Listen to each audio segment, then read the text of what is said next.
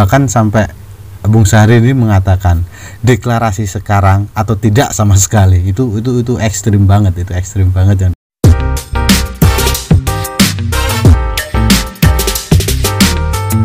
Halo pendengar setiap podcast di mana pun kalian berada Balik lagi bareng aku Ramadan MK Podcast Tanya Sejarah.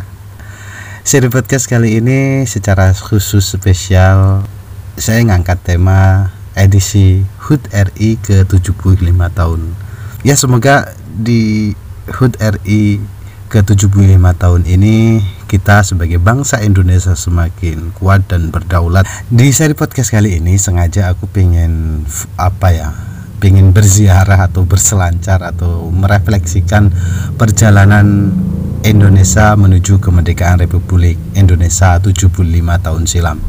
Itu seperti apa? Jadi ada yang menyebut bahwa peristiwa meledaknya bom atom di Hiroshima tahun pada 6 Agustus 1945 itu menjadi berkah bagi Indonesia Iya sih berkah juga sebenarnya dan menjadi musibah bagi Jepang sendiri karena itu tragedi kemanusiaan dan menewaskan ratusan ribu jiwa melayang di Hiroshima waktu itu. Jadi kalau ngomong-ngomong soal perjalanan kemerdekaan Republik Indonesia tentu tidak lepas dari apa ya? Ya peran BPUPKI begitu apa sih BPUPKI itu jadi kayak gitu teman-teman yang masih belum paham atau belum mengerti tentang BPUPKI itu BPUPKI yaitu adalah Badan Usaha Penyelidik Kemerdekaan Republik Indonesia itu didirikan pada 29 April 1945 dan menariknya ini BPUPKI ini dibentuk oleh Jepang. Wow. Jadi kalau kita merujuk dari awal aja kita sebenarnya kemerdekaan itu ya BPUPKI ya. BPUPKI ini bentukan Jepang begitu. Sebelum akhirnya kemudian berubah menjadi PPKI atau Pers Panitia Persiapan Kemerdekaan Republik Indonesia pada 7 Agustus 1945 tapi proses ini sebenarnya kita kalau kita lacak ya kalau kita lacak perjalanan kemerdekaan Republik Indonesia dari awal kemudian sampai 17 Agustus ini sebenarnya penuh drama sebenarnya menurutku. Ya bagaimana enggak? Jadi apa ya? Ya istilahnya penuh penuh penuh drama gitu. Dramanya bagaimana? Ya mulai dari dibentuknya BPUPKI oleh Jepang kemudian pertemuan Dalat nah teman-teman mesti sudah tidak asing lagi soal pertemuan di Dalat Saigon Vietnam yang waktu itu di apa ya diwakili oleh Bung Hatta ada Bung Bung Karno dan Rajiman Video Diningrat waktu tiga tokoh ini yang mendatangi ke Dalat Saigon Vietnam. Nah, perjalanan ini kan juga menarik sebenarnya. Yaitu perjalanan semacam kayak menjemput janji kemerdekaan kan gitu. Jadi kan uh, karena memang dari awal kan kemerdekaan Indonesia ini kan sudah dijanjikan oleh dijanjikan oleh Jepang gitu. Jadi dengan dibentuknya BPUPKI sendiri ini artinya kan Jepang juga menjanjikan kemerdekaan untuk Republik Indonesia. Ya terlap terlepas ada misi tertentu dari pihak Jepang kenapa kemudian dia ingin memerdekakan Indonesia waktu itu? Ya kalau kalau alasannya Jepang ya sangat sangat politis waktu itu karena dia menganggap ingin membantu negara-negara di kawasan Asia Tenggara waktu itu khususnya juga di Indonesia uh, agar lepas dari kolonialisme barat. Motifnya begitu sih dia menawarkan menyodorkan kemerdekaan itu. Selain itu juga dia juga mengklaim bahwa dia sebagai saudara tua uh, negara Indonesia. Jadi ya itu drama pertama. Jadi yang jelas apakah kemudian bom atom Hiroshima dan Nagasaki adalah berkah? Ya mau nggak mau kita sebut berkah juga bagi percepatan kemerdekaan Republik Indonesia. Ya jadi sebenarnya kan tapi kalau kita merujuk ke BPUPKI sebenarnya juga sudah disiapkan begitu. Jadi apa ya ini tinggal nunggu nunggu deklarasi aja sebenarnya. Kan dari BPUPKI itu kemudian melahirkan piagam Jakarta poin-poin penting yang menjadi basic uh, bangsa Indonesia. Kemudian itu kan beralih di PPKI yang BPUPKI kan diketuai oleh Rajiman Widyo Diningrat kemudian dibubarin pembubarannya ini ya sehari setelah jatuhnya bom atom di Hiroshima. Yaitu waktu itu kan uh, dalam perang Pasifik itu Amerika Serikat dan sekutu ini mengirimkan sebuah bom atom yang dijuluki Little Boy. Waktu itu diberi nama Little Boy dan dijatuhkan tepat di atas kota Hiroshima. Yang waktu itu kota Hiroshima adalah ber, berpenduduk 300 ribu jiwa. Nah bom atom ini yang meledak di atas sekitaran 600 meter dari udara itu meledak dan meluluh, lantakan kota Hiroshima itu. Ya kalau korbannya sih melimpah banyak luar biasa banyak. Ini kalau saya mengutip dari BBC Indonesia jumlah korban dari bom Hiroshima ini mencapai seribu eh kok seribu? Mencapai 140 ribu jiwa. Jadi dari total 300 ribu jiwa yang menjadi korban yang meninggal itu sekitar 140 juta jiwa. Itu luar biasa. Itu genosida parah itu genosida parah. Nah, itu kan 6 Agustus. Nah, sehari kemudian tepatnya pada 7 Agustus 1945, nah PPKI ini dibentuk oleh Soekarno waktu itu. Jadi dia melihat situasi memang uh ini momentum momentum penting ini ketika Jepang dibom atom oleh Amerika dan sekutu waktu itu. Jadi melihat itu Soekarno kemudian membentuk PPKI. Tapi kan lagi-lagi gini, ketika tanggal 7 dibentuk PPKI Panitia Persiapan Kemerdekaan Republik Indonesia tapi tanggal 8 Soekarno itu dengan Rajiman dan Bung Hatta kemudian uh, dia bertolak ke Dalat itu dia menjemput janji kemerdekaan ke Dalat untuk menemui Marsikal Terauchi siapa sih Marsikal Terauchi Marsikal Terauchi ini dia adalah pang jenderal panglima perangnya di Asia Tenggara. Jadi semua keputusan dan kebijakan di Asia Tenggara ya harus lewat dia. Nah menariknya di sini kan kenapa ini drama? Jadi luar biasa. Jadi tanggal 7 dibentuk PPKI dibentuk tanggal 8 Soekarno bersama rombongan yaitu ada tiga orang. Secara rahasia dia mendatangi menemui melakukan pertemuan dengan Marsikal Tereuci tanggal 8 berangkat dari Jakarta malam hari. Itu sembunyi-sembunyi ya sekalipun naik pesawat.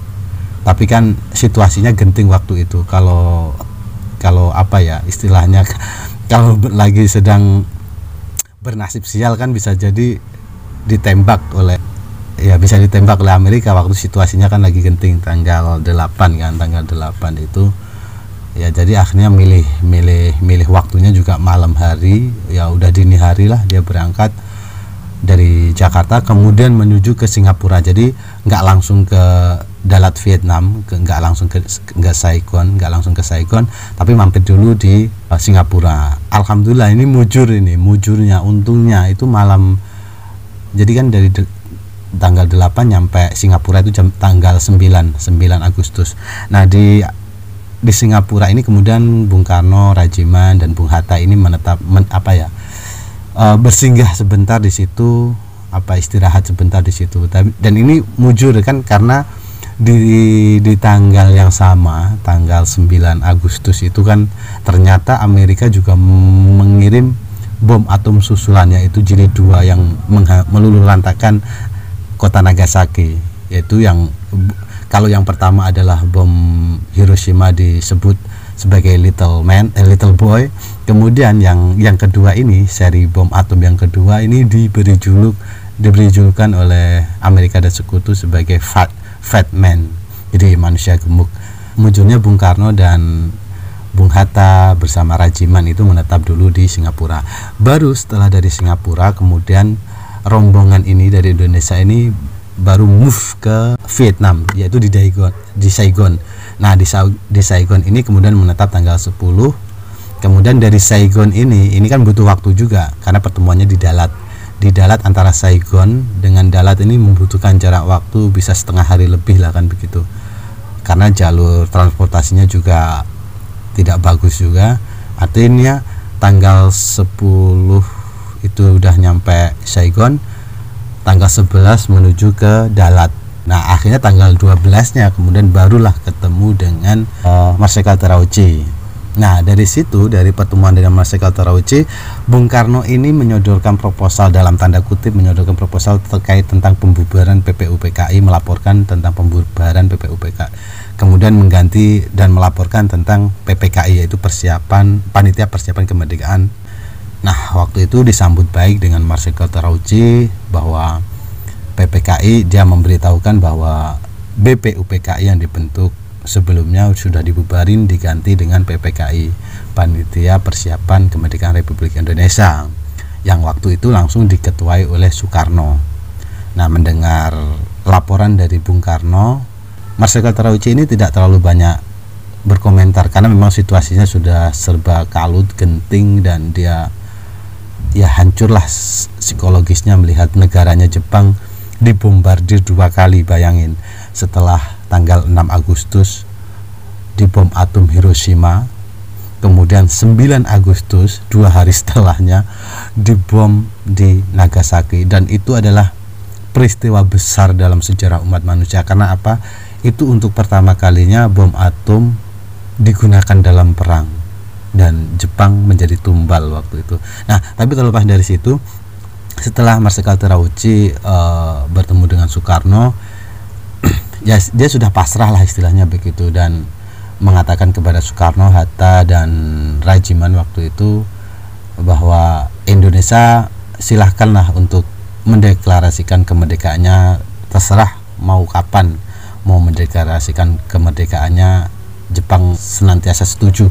Namun pemerintah Jepang sendiri kata Marsikal Terauchi sendiri e, menyarankan agar Indonesia mendeklarasikan kemerdekaannya itu pada 24 Agustus 1945.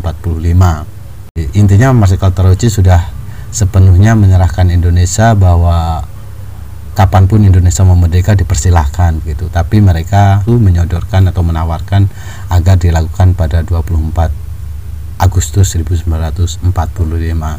Nah, setelah melakukan perundingan dan menyampaikan apa yang terjadi, apa yang sudah dilakukan di dalam negeri di internal Indonesia. Jadi setelah Soekarno menyampaikan itu kepada Marsikal Terauchi, uh, tiga orang ini, yaitu Rajiman, Bung Hatta, dan Bung Karno ini kemudian balik lagi ke Indonesia. Dua hari pertemuan itu ini menarik. Dua hari pertemuan itu pertemuan dalat uh, Jepang ini kan secara mengejutkan ya bukan mengejutkan lagi sebenarnya. Bukan mengejutkan lagi karena memang sudah situasinya memang terdesak. Akhirnya Jepang mengaku tunduk mengaku kalah tanpa syarat kepada Amerika dan sekutu. Jadi ya sudah remuk remuk dan dan remuk redam lah istilah Jepang. Bagaimana tidak Uh, coba bayangin dua bom atom sekaligus dan itu pertama dalam sejarah umat manusia yang di mana dampaknya sangat luar biasa menghantam dua kota besar di Jepang. Ya tentu saja Jepang mengaku kalah apalagi situasinya juga apa sekutu dari Jepang waktu itu dalam perang dunia II seperti Jerman Italia juga sedang dipukul mundur dan begitu.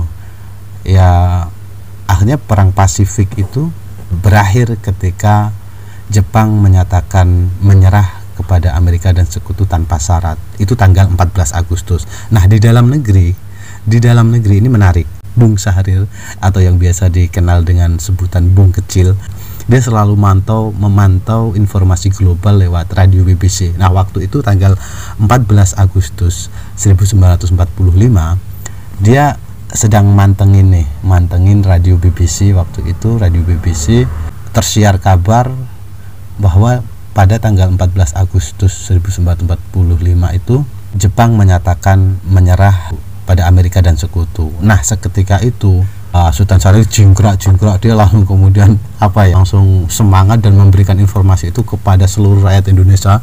Jadi dia yang menyebarkan ketika Jepang menyatakan kalah mundur atau menyatakan kalah dari sekutu Bung Sahrir ini kemudian langsung menyebarkan informasi ini. Ya kalau sekarang ini memviralkan lah memvir, memviralkan informasi itu ke seluruh penjuru Indonesia.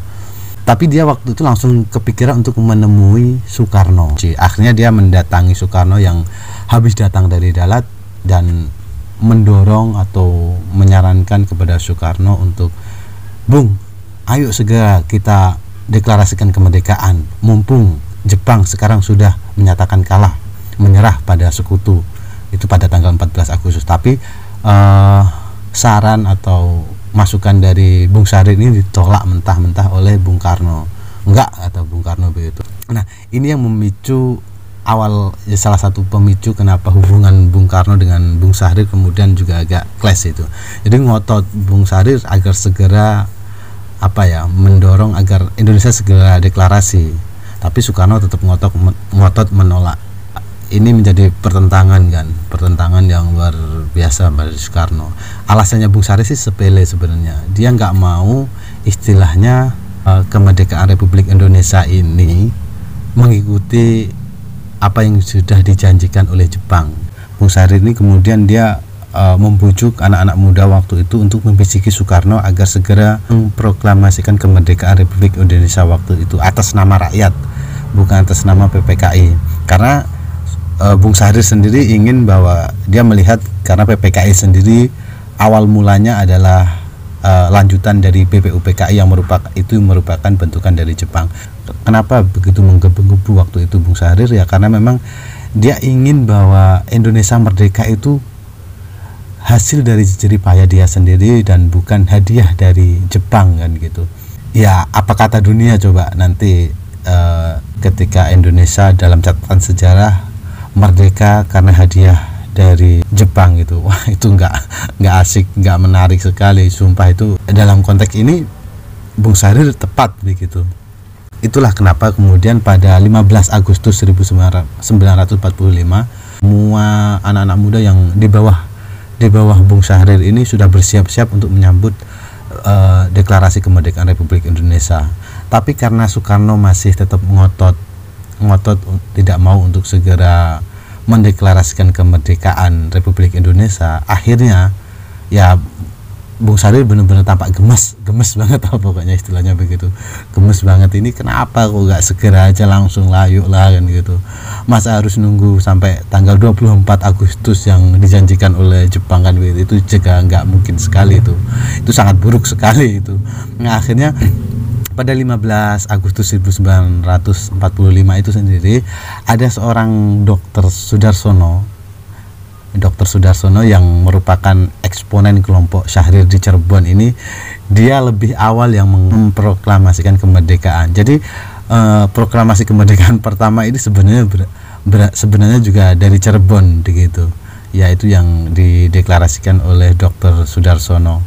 Nah, hingga sampai saat ini kan kemudian dibangunlah monumen tugu tugu di apa tugu proklamasi di Cirebon ya itu untuk mengingat bahwa Cirebon dulu uh, pertama kali yang mendeklarasikan kemerdekaan Republik Indonesia. Tapi sampai saat ini sendiri aku juga masih belum tahu isi teks dari proklamasi yang dibacakan di Cirebon.